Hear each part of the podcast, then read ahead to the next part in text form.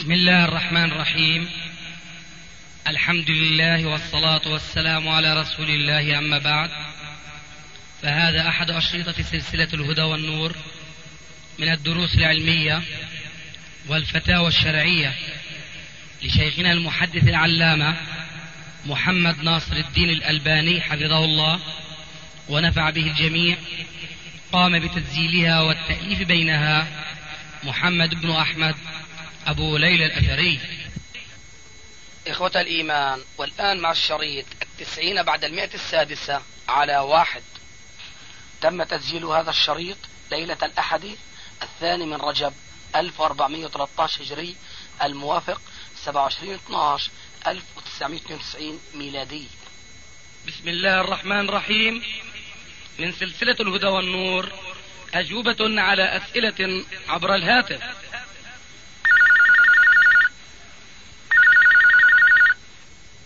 نعم. السلام عليكم ورحمة الله وبركاته. وعليكم السلام ورحمة الله وبركاته ومغفرته كيف أمسيتم يا شيخنا؟ أمسينا وأمسى الملك لله والحمد لله. بارك الله فيكم ونفع بكم. الله يحفظكم. وكيف أنتم؟ الحمد لله. شيخنا نعم. أمامي هنا نحو 500 من الإخوة. ما شاء الله. الدين الودودين الطالبين للحق المبين إن شاء الله تعالى. ما شاء الله. بارك الله فيكم جميعا. لسان حالهم يسلم عليك. وبعض ولسان قالهم من بعضهم. صدقت. نعم. جزاكم الله خيرا. وأنا أقول نستغل الوقت يا أستاذي. تفضل. إذا لو يعني كانت نصيحة متعلقة بالإجتماع أو المؤتمر الذي اجتمعنا نحن مع الإخوة بسببه وهو عنوانه واقع الأمة الإسلامية أسباب الوهن وسبيل النهوض وجزاكم الله خيرا. آه، نسأل الله عز وجل أن يوفقنا وإياكم لمعرفة الحق ولاتباعه وجوابا على ما سألت أقول إن الحمد لله نحمده ونستعينه ونستغفره ونعوذ بالله من شرور أنفسنا ومن سيئات أعمالنا. من يهده الله فلا مضل له ومن يضلل فلا هادي له. وأشهد أن لا إله إلا الله وحده لا شريك له. وأشهد أن محمدا عبده ورسوله. يا أيها الذين آمنوا اتقوا الله حق تقاته ولا تموتن إلا وأنتم مسلمون. يا أيها الناس اتقوا ربكم الذي خلقكم من نفس واحدة وخلق منها زوجها وبث منهما رجالا كثيرا ونساء. واتقوا الله الذي تساءلون به والأرحام إن الله كان عليكم رقيبا. يا أيها الذين آمنوا اتقوا الله وقولوا قولا سديدا. يصلح لكم أعمالكم ويغفر لكم ذنوبكم. ومن يطع الله ورسوله فقد فاز فوزا عظيما. أما بعد فإن خير الكلام كلام الله وخير الهدي هدي محمد صلى الله عليه وآله وسلم وشر الأمور محدثاتها وكل محدثة بدعة وكل بدعة ضلالة وكل ضلالة في النار. وبعد فإنه مما لا يخفى عليكم جميعا أن ما عليه المسلمون اليوم من واقع الأمر السيء في هذا العصر الذي نعيشه هو بلا شك أسوأ ما أصاب المسلمين في كل عصورهم المتأخرة مما لا يحتاج أحد إلى أن يوصف له لأنه يحيا يحياه ويعايشه. فكلنا يعلم انتشار الفسق أنواع الفسق والفجور في العالم الإسلامي وقليل ممن لا يزالون يعتصمون بكلمة الحق وباتباع الكتاب والسنة. أما الأكثرون فكما قال رب العالمين ولكن أكثر الناس لا يعلمون وكما قال في الآية الأخرى وما يؤمن أكثرهم بالله إلا وهم مشركون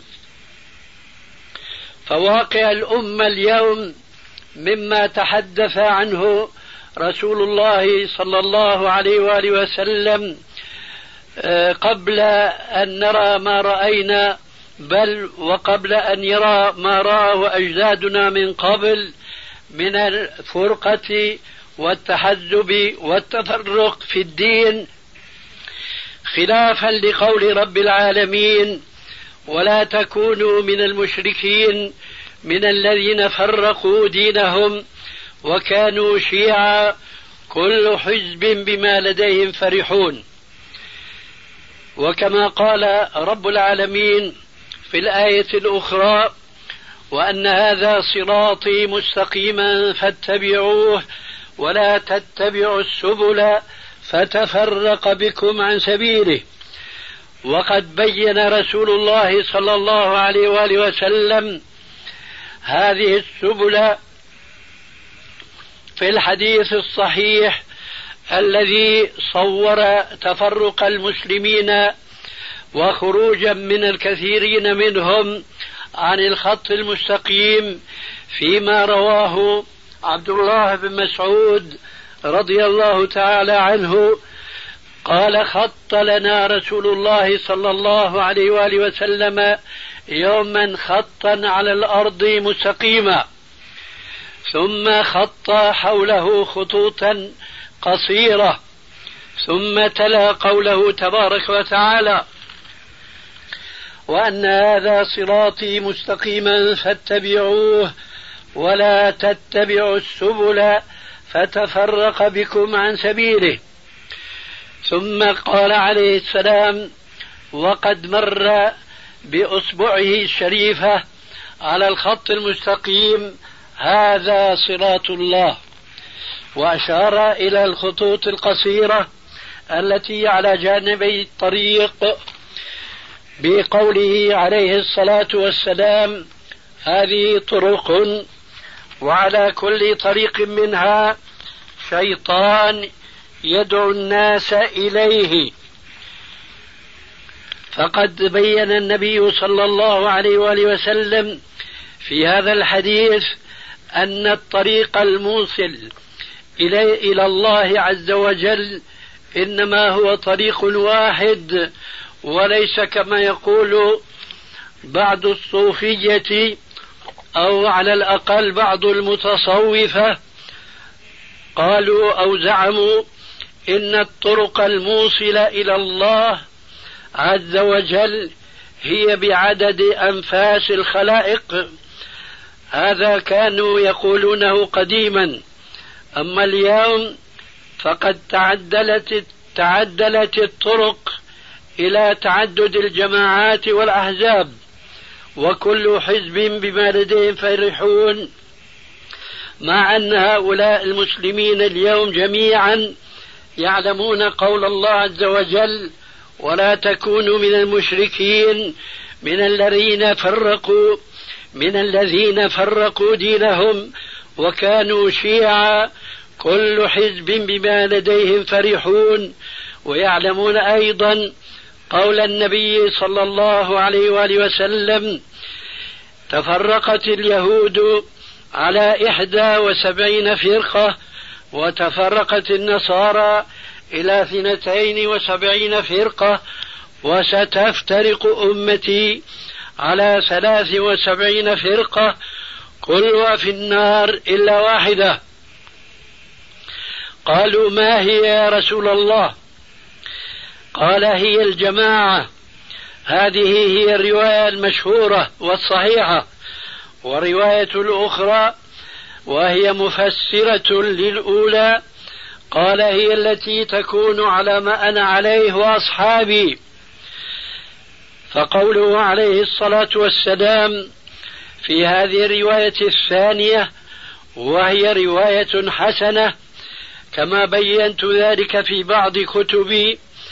فقوله عليه السلام ما أنا عليه وأصحابي يحدد منهج الفرقة الواحدة والطائفة المنصورة الناجية وهي التي تأخذ بما كان عليه رسول الله صلى الله عليه وآله وسلم وأصحابه رضوان الله عليهم أجمعين. وهنا نكتة لا بد لي من ذكرها بمناسبة قوله عليه السلام وأصحابي لأنه من الواضح أن النبي صلى الله عليه وآله وسلم لو اقتصر على قوله ما أنا عليه لكان جوابه وافيا كافيا ولكنه لحكمة بالغة زاد على ذلك وعطف فقال وأصحابي والحكمة هي أن أصحاب النبي صلى الله عليه وآله وسلم كانوا جميعا على هدى من ربهم لأنهم تلقوا الوحي النازل على قلب نبيهم صلى الله عليه وآله وسلم غضا طريا كما أنزله الله عز وجل قبل أن يتسلط على مفاهيمه وعلى دلالاته العجمة أو الهوى الذي ران على قلوب بعض الذين جاءوا من بعد السلف الصالح من الآراء والأفكار المباينة والمخالفة لما كان عليه أصحاب النبي صلى الله عليه وآله وسلم. لهذا ذكرهم وعطفهم على ما كان عليه صلى الله عليه وآله وسلم لأنه يعلم علم اليقين أن أصحابه سيكون له متبعين تمام الاتباع.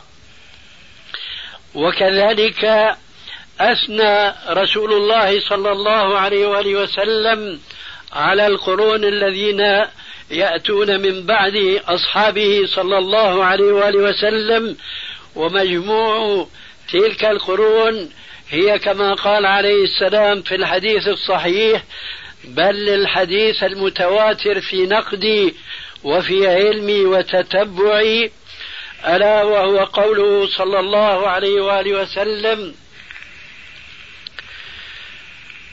خير الناس قرني وبعض الناس يرونه بلفظ خير القرون قرني فأرى من الواجب علي أن أذكر والذكرى تنفع المؤمنين أن لفظ الحديث الصحيح خير الناس قرني ثم الذين يلونهم ثم الذين يلونهم فهؤلاء القرون الثلاثة هم الذين شهد لهم النبي صلى الله عليه وآله وسلم بالخيرية وهم المقصودون بالآية الكريمة وهي قول الله عز وجل ومن يشاقق الرسول من بعد ما تبين له الهدى ويتبع غير سبيل المؤمنين نوله ما تولى ونصله جهنم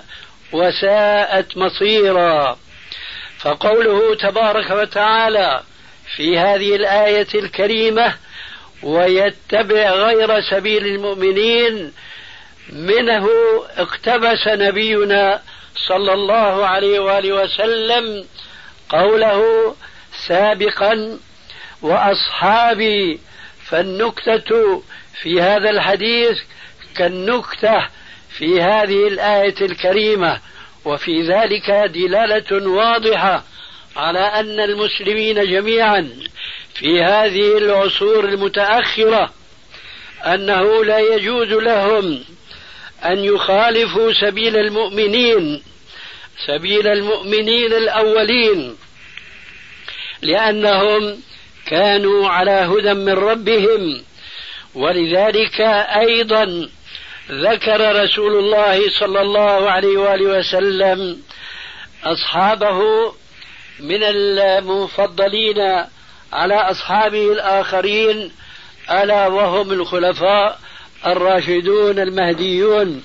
كما جاء في حديث الإرباض ابن سارية رضي الله تعالى عنه قال قال رسول الله صلى الله عليه وآله وسلم أوصيكم بتقوى الله والسمع والطاعة وإن ولي عليكم عبد حبشي وإنه من يعش منكم فسيرى اختلافا كثيرا. فعليكم بسنتي وسنة الخلفاء الراشدين المهديين من بعدي عضوا عليها بالنواجذ وإياكم ومحدثات الأمور فإن كل محدثة بدعة وكل بدعة ضلالة. هكذا ذكر رسول الله صلى الله عليه وآله وسلم مع سنته في هذا الحديث سنة الخلفاء الراشدين لتلك النكتة التي أشرنا إليها في الآية وفي حديث الفرقة الناجية.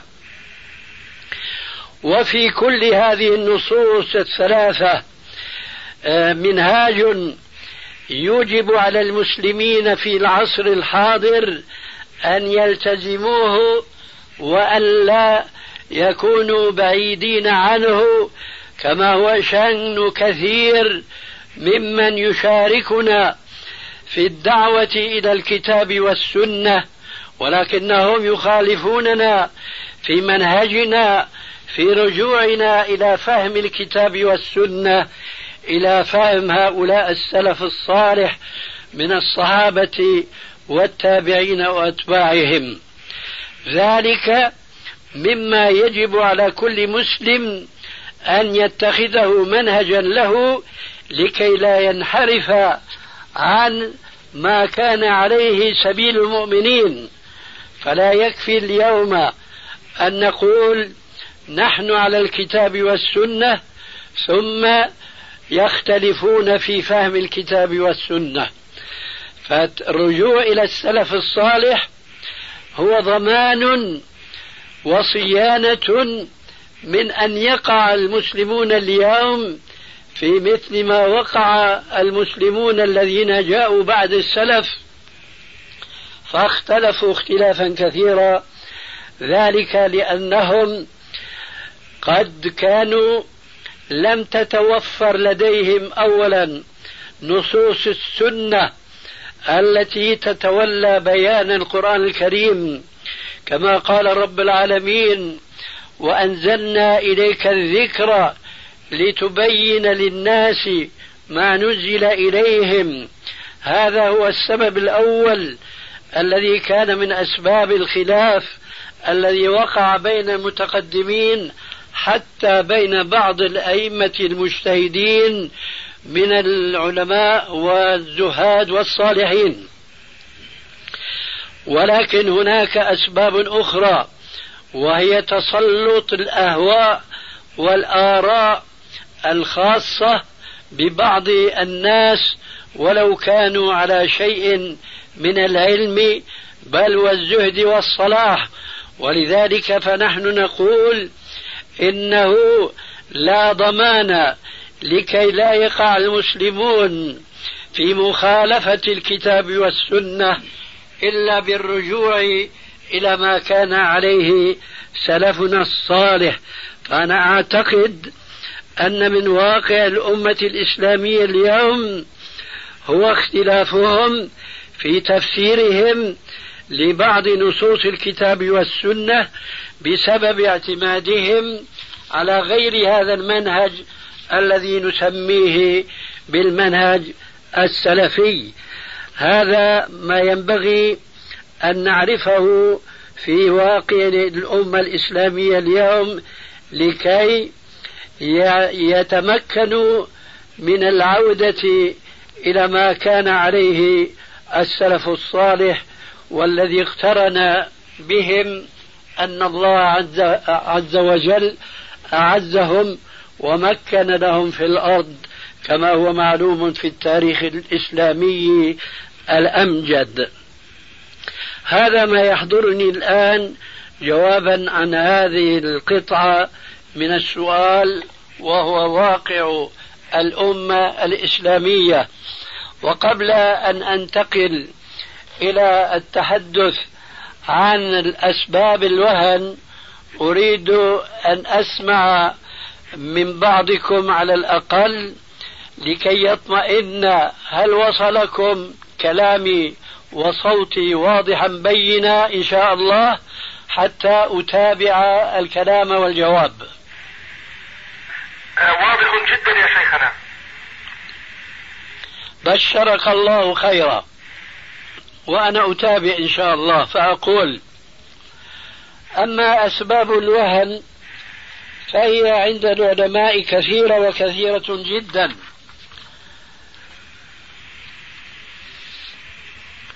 وقد يعلمون كلهم أو على الأقل بعضهم أن النبي صلى الله عليه وآله وسلم جمعها في جملة واحدة في الحديث الثابت الصحيح عنه صلى الله عليه وآله وسلم وهو قوله يوشك أن تداعى عليكم الأمم كما تدعى الأكلة إلى قصعتها قالوا أو من قلة نحن يومئذ يا رسول الله؟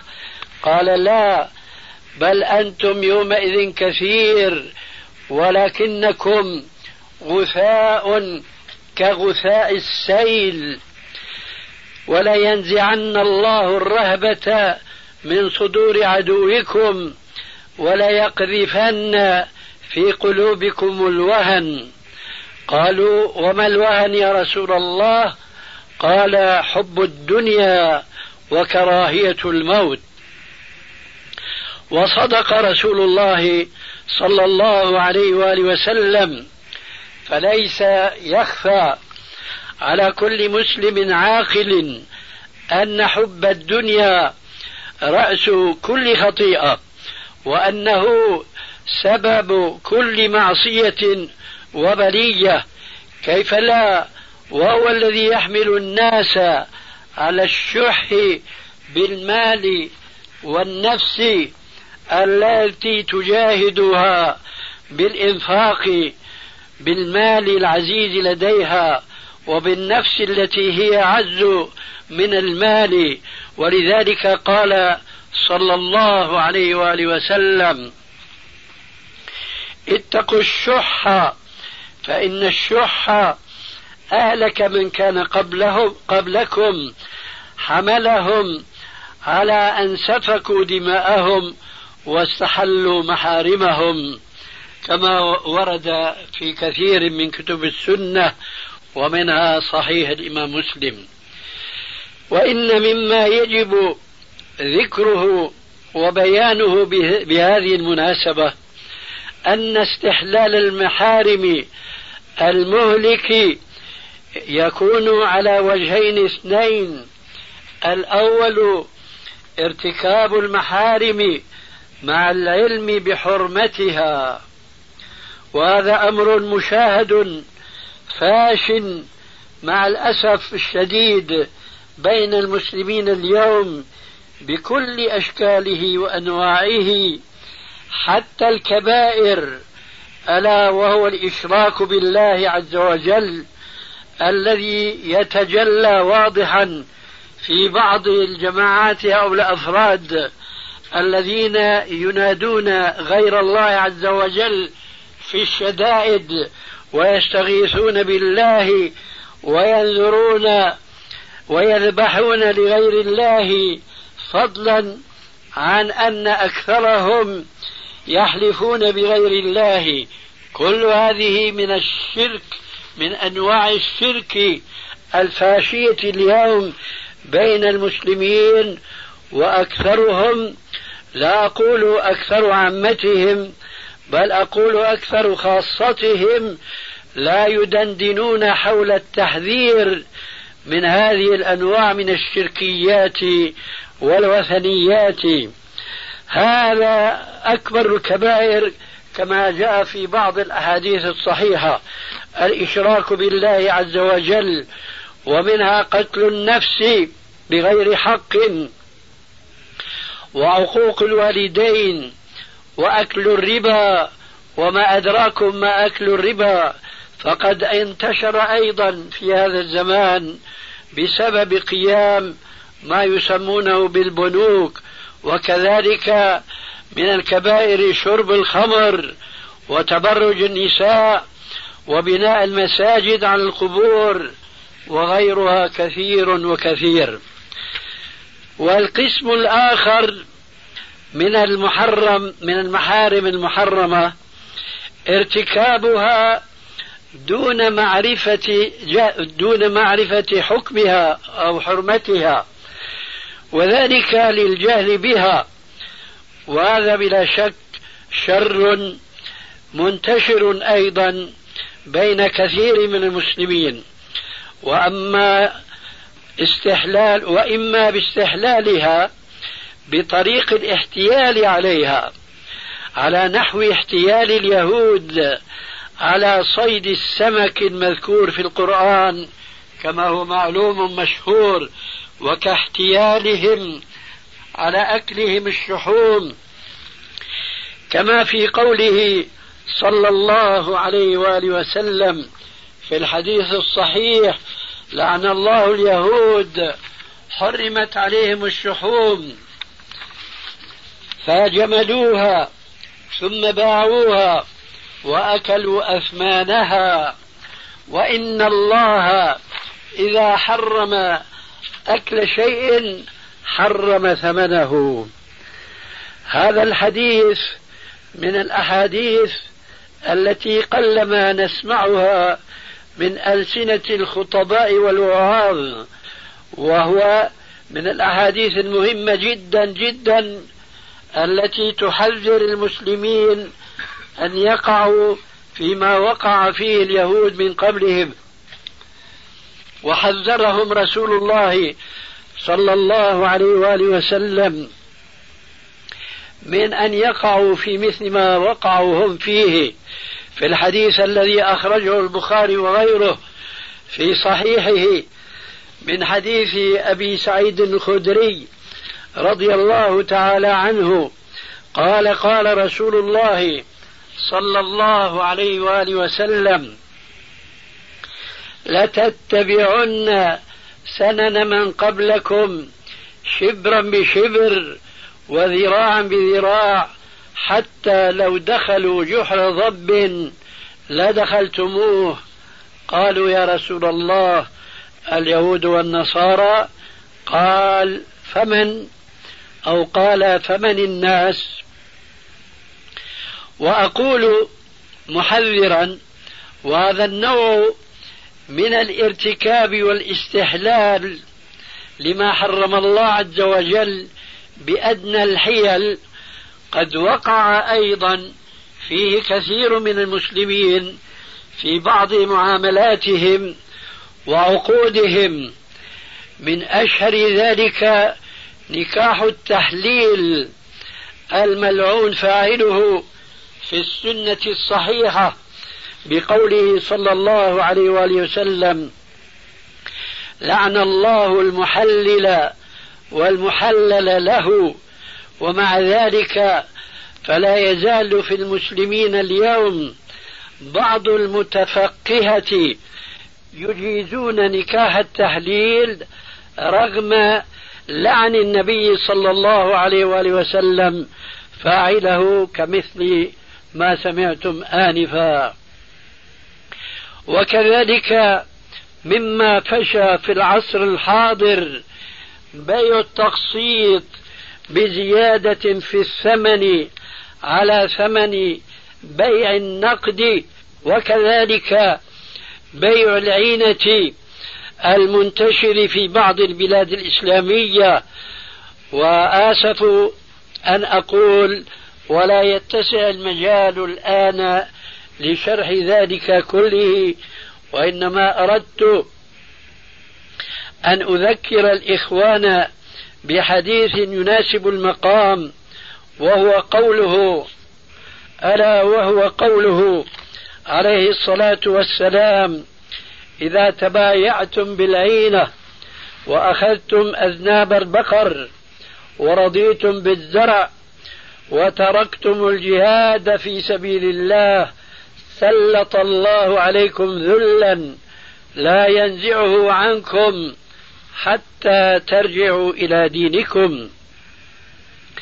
ففي هذا الحديث بيان واضح جدا لبعض الأدواء والأمراض الناتجة من حب الدنيا وهو التكالب عليها والانغماس في الأخذ بأسباب جمع المال الذي يترتب منه ما هو واقع المسلمين اليوم مما ذكره عليه الصلاة والسلام في هذا الحديث عطفا على داء التبايع بالعينة والأخذ بأذناب البقر والرضا بالزرع فقال عليه الصلاة والسلام وتركتم الجهاد في سبيل الله عز وجل.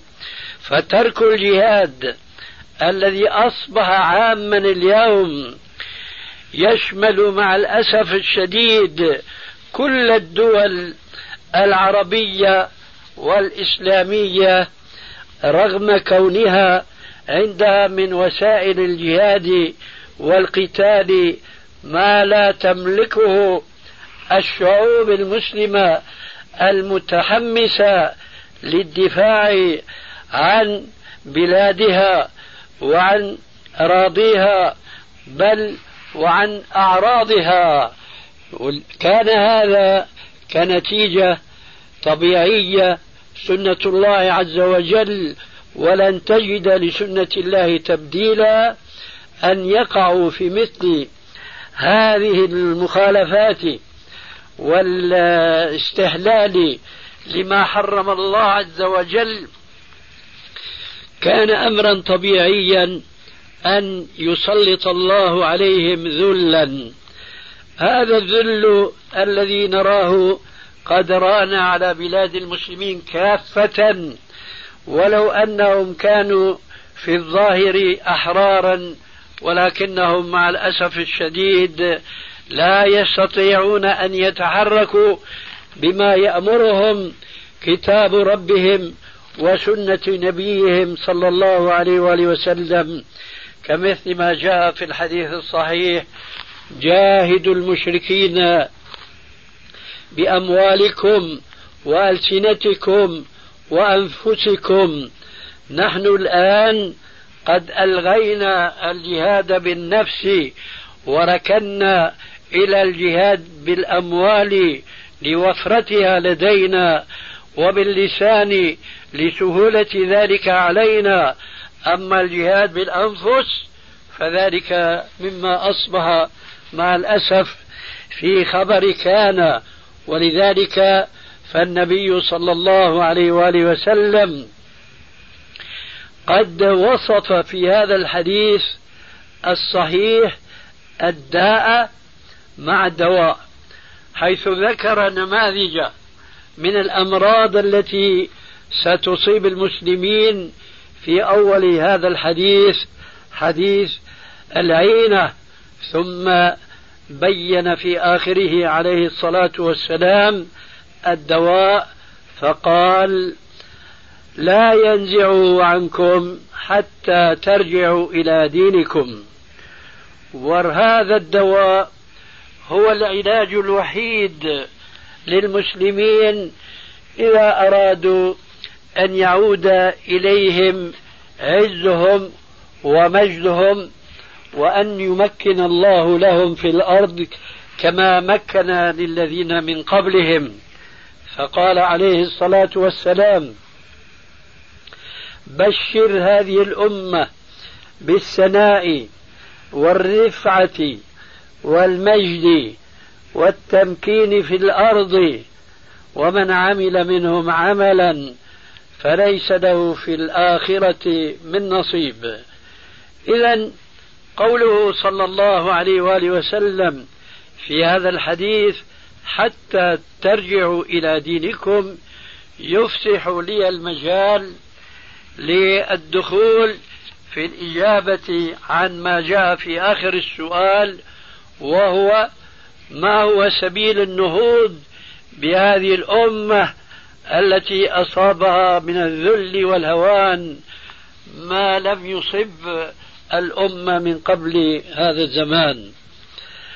فنقول إن النبي صلى الله عليه وآله وسلم حينما وصف الدواء في هذا الحديث بالرجوع إلى الدين إنما انطلق من مثل قوله عز وجل إن الله لا يغير ما بقوم حتى يغيروا ما بأنفسهم.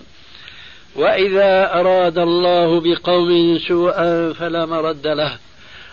وقوله تعالى ذلك بأن الله لم يكن مغيرا نعمة أنعمها على قوم حتى يغيروا ما بأنفسهم. فما هو السبب الذي غير الله فينا نعمة القوة والعزة والتمكين في الأرض الذي كان عليه المسلمون من قبل؟ ذلك لأننا غيرنا نعمة الله عز وجل وبدلنا فأخذنا بأسباب الدنيا وتركنا الجهاد في سبيل الله عز وجل كنتيجة شرعية وكونية أن المسلم إذا لم ينصر الله عز وجل لم ينصره الله كما هو صريح قوله تبارك وتعالى إن تنصروا الله ينصركم هنا لابد لي من وقفة. إذا كان الله عز وجل قد جعل على لسان نبيه صلى الله عليه وآله وسلم العلاج لهذا المرض العضال الذي أصاب المسلمين في أرضهم الإسلامية كلها مع الأسف الشديد. إنما هو الرجوع إلى دينهم. والدين كما تعلمون إنما هو الإسلام. وقد قال رب الأنام ومن يبتغي غير الإسلام دينا فلن يقبل منه وهو في الآخرة من الخاسرين. اليوم أكملت لكم دينكم وأتممت عليكم نعمتي ورضيت لكم الإسلام دينا. ويعجبني بمناسبة هذه الآية ما ذكره الإمام الشاطبي رحمه الله. في كتابه العظيم الاعتصام ذكر عن الإمام مالك أنه قال من ابتدع في الإسلام بدعة يراها حسنة فقد زعم أن محمدا صلى الله عليه وآله وسلم خان الرسالة وحاشاه. ثم قال اقرأوا قول الله تبارك وتعالى اليوم أكملت لكم دينكم وأتممت عليكم نعمتي ورضيت لكم الإسلام دينا. قال رحمه الله ولا يصلح آخر هذه الأمة إلا بما صلح به أولها فما لم يكن يومئذ دينا لا يكون اليوم دينا. كنا نستدل بهذا بهذا الأثر الثابت عن الإمام مالك إمام دار الهجرة أنه لا يجوز للمسلم أن يحدث في الإسلام بدعة مهما كانت يعني يسيرة وفي الأخلاق أو العبادات وليست في العقائد. كنا نحتج بهذا الأثر اعتمادا على هذه الآية الكريمة أن الله عز وجل أتم النعمة علينا بإتمام ديننا ألا والإسلام فما بالنا اليوم وقد أصبحنا بعيدين عن الإسلام ليس فقط فيما يتعلق بما يسمى بالسنن التي تخالفها البدع بل أصبحنا بعيدين كل البعد عن الإسلام ليس في هذه الجزئيات أو في هذه الأمور التي يسميها بعضهم بأنها من الأمور الثانوية والتي ليست بجوهرية وإنما أصبحنا بعيدين عن الإسلام الذي ارتضاه الله لنا دينا حتى في قضائنا. حتى في أفكارنا وعقائدنا فإذا أردنا فعلا وجادين مخلصين أن نتعاطى هذا العلاج الذي وصفه ربنا عز وجل على لسان نبيه صلى الله عليه وآله وسلم وهو أن نرجع إلى الدين فبأي مفهوم نفهم هذا الدين؟ هناك أولا مفهومان معروفان لدى كثير من العلماء الذين يعرفون الخلاف بين علماء السلف وبين علماء الخلف. هناك مذهبان مذهب ينتمي إلى السلف ومذهب ينتمي إلى الخلف. ومذهب السلف يقول أولئك الذين ينتمون إلى مذهب الخلف يقولون عن مذهب السلف بأنه أسلم لكنهم يقولون بأن مذهب الخلف أعلم وأحكم. فيا ترى هل نعود في عقائدنا اولا إلى ما كان عليه سلفنا الصالح أم نعود إلى مذهب هؤلاء الخلف الذين يصرحون بأن مذهب السلف أسلم ولكن مذهب الخلف أحكم وأعلم.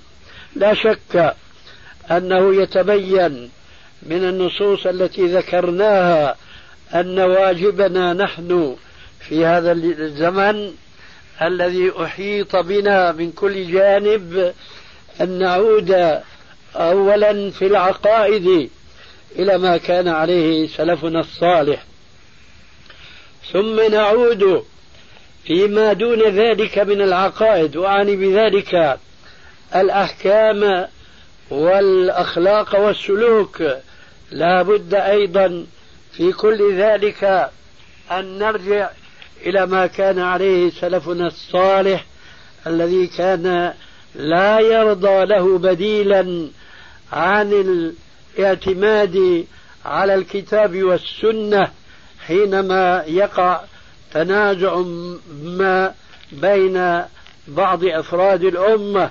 كما قال ربنا عز وجل في القرآن الكريم فلا وربك لا يؤمنون حتى يحكموك فيما شجر فيما شجر بينهم ثم لا يجدوا في أنفسهم حرجا مما قضيت ويسلموا تسليما. اليوم مع الأسف الشديد لا نجد هذه الجماعات وهذه الأحزاب تتفق معنا على تعاطي هذا الدواء الذي لا علاج للمسلمين. في الرجوع إلى عزهم ومجدهم الغابر إلا بالرجوع إلى دينهم. هذه النقطة أن الدواء هو الرجوع إلى دين الإسلام نقطة لا خلاف فيها بين كل مسلم مهما كان اتجاهه ومهما كان تحزبه وتكتله. ولكن الخلاف مع الأسف الشديد هو في فهم هذا الدين. فهناك كما ذكرنا مذهبان مذهب السلف ومذهب الخلف. السلف ما كانوا يختلفون في الأصول. ما كانوا يختلفون اولا في أن المرجع عند التنازع إنما هو كتاب الله وسنة رسول الله صلى الله عليه وآله وسلم. فهم كانوا يتحاكمون إلى هذين المصدرين ويسلمون لهما تسليما كما ذكرنا تلاوة الآية السابقة بذلك. ولكن الاختلاف قد كان بينهم بالسبب الأول الذي سبقت الإشارة إليه وهو أن بعضهم كان لا يصله الحديث عن النبي صلى الله عليه وآله وسلم فيجتهد فيقع في خطأ غير قاصد إليه. ولذلك قال عليه الصلاة والسلام في الحديث الصحيح إذا حكم الحاكم فاجتهد فأصاب فله أجران وإن أخطأ فله أجر واحد. فلذلك ينبغي الرجوع من هؤلاء المسلمين إلى هذه القاعدة التي لا ينبغي أن يقع فيها اختلاف ألا وهي فهم الكتاب والسنة على ما كان عليه السلف الصالح. فإذا التفتنا إلى هذا النظام وجعلناه لنا منهجا وسبيلا نتعاون على فهمه أولا وعلى تطبيقه ثانيا فهنا يأتي الأمر الهام والهام جدا وهو خلاصة الجواب عن هذا السؤال ألا وهو سبيل النهوض. لا بد للمسلمين اليوم من أن يفهموا دينهم فهما صحيحا. ثم أن يطبقوه كل بحسبه تطبيقا صحيحا. المحكوم غير الحاكم. الحاكم له سلطة عليا. المحكوم سلطته محدودة. فإذا قام كل من الحاكم والمحكوم بفهم الإسلام أولا فهما صحيحا ثم بتطبيق هذا الإسلام تطبيقا كاملا كل بحسب ما يستطيعه كما أشرت إليه آنفا في اعتقادي يومئذ يفرح المؤمنون بنصر الله. ولكنني أرى أن كثيرا من الدعاة الإسلاميين الذين يلهجون دائما وأبدا بدعوة الحكام إلى الحكم بما أنزل الله عز وجل. وهذه دعوة حق لا شك ولا ريب فيها لقول الله عز وجل ومن لم يحكم بما أنزل الله فأولئك هم الكافرون وفي الآية الأخرى فأولئك هم الفاسقون وفي الثالثة فأولئك هم الظالمون هذا حق أي أن يقوم الحكام بتطبيق الإسلام في دساتيرهم وفي قوانينهم وعلى شعوبهم كلها. هذا حق واجب ولكن نحن نذكر أفراد الشعوب المسلمة الذين ينادون بكلمة الحق هذه وهو الحكم بما أنزل الله أن عليهم أن لا ينسوا أنفسهم. كما قال الله عز وجل يا أيها الذين آمنوا عليكم أنفسكم لا يضركم من ضل إذا اهتديتم. فلذلك على أفراد المسلمين أن يفهموا الإسلام فهما صحيحا ثم أن يطبقوه تطبيقا كاملا في حدود استطاعتهم على أنفسهم وعلى من لهم ولاية عليهم من رعاياهم كما قال عليه الصلاة والسلام كلكم راع وكلكم مسؤول عن رعيته فالرجل راع وهو مسؤول عن رعيته والمرأة راعية وهي مسؤولة عن رعيتها. إلى هذا المعنى من التربية للنفس يشير إليه بعض الدعاة الإسلاميين بالكلمة التي تروى عنه. ألا وهي قوله أقيموا دولة الإسلام في قلوبكم. تقم لكم في أرضكم. أقيموا دولة الإسلام في قلوبكم. تقم لكم في أرضكم. في هذه الكلمة التي تعجبنا كثيرا ولكن لا يعجبني الذين ينتمون إلى قائل هذه الكلمة حيث أنهم لا يعنون بها ولا يهتمون بتطبيقها. لأن ذلك يكلفهم أمرا يتطلب جهدا جهيدا ألا وهو الرجوع إلى فهم الإسلام على الوجه الصحيح الذي سبق بيانه آنفا اعتمادا على كتاب الله وعلى حديث رسول الله وعلى ما كان عليه سلفنا الصالح. فأقول العودة إلى هذا الدين الذي هو الدواء لما أصاب المسلمين اليوم يتطلب أمرين اثنين. طالما أكني عنهما بالتصفية والتربية وأعني بالتصفية أن يقوم علماء المسلمين الذين يتبنون هذا المنهج الصحيح من فهم الإسلام على ما كان عليه سلفنا الصالح أن يقوم كل منهم بتصفية هذا الإسلام مما دخل فيه مما هو بريء منه براءة الذئب من دم ابن يعقوب كما يقال في بعض الأمثال وأن يدعو الناس إليه سواء ما كان متعلقا بالعقيدة أو بالأحكام التي اختلف فيها كثيرا أو في الأخلاق وفي السلوك.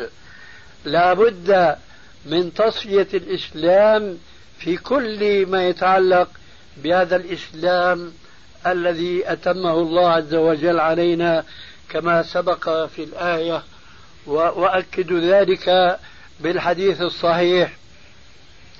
وهو قوله صلى الله عليه وآله وسلم ما تركت شيئا يقربكم إلى الله.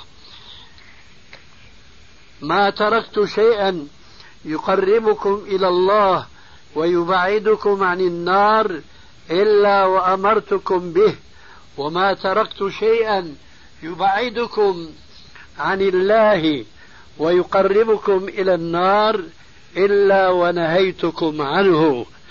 فمن كان يريد أن يتمشى مع هذا المنهج الصحيح فهنا يرد بيان لا بد لي منه.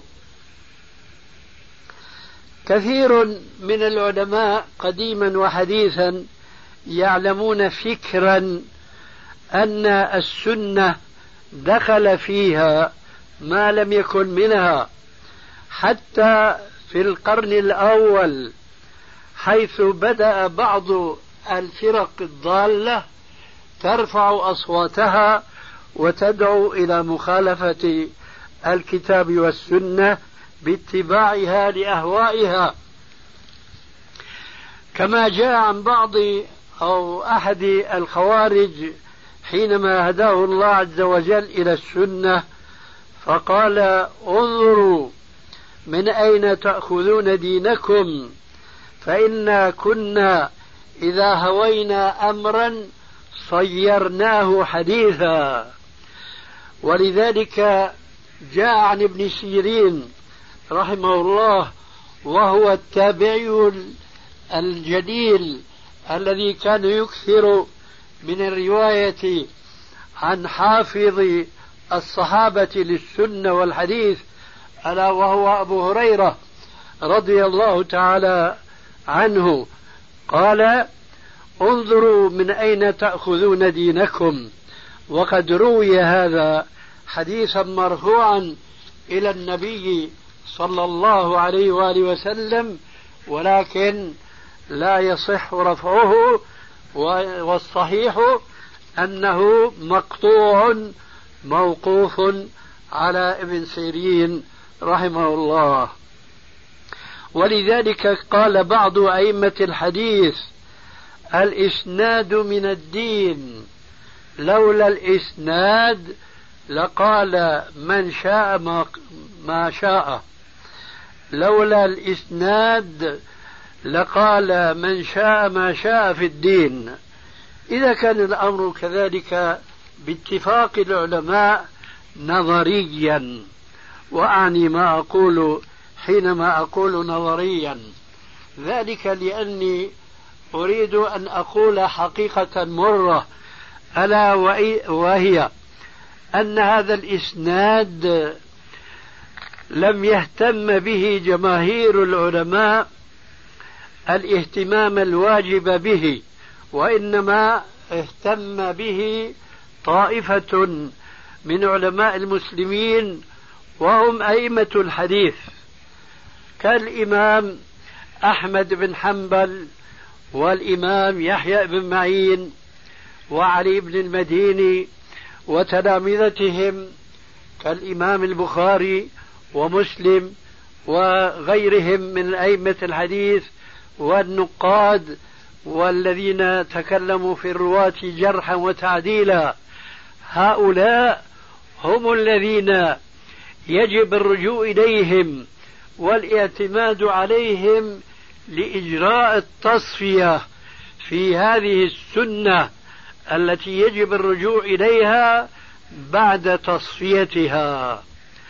كتب السنة الآن متوفرة وذلك من تمام عناية الله عز وجل بهذه الأمة ووفاء منه بالحكم الذي ذكره في القرآن الكريم إنا نحن نزلنا الذكر وإنا له لحافظون.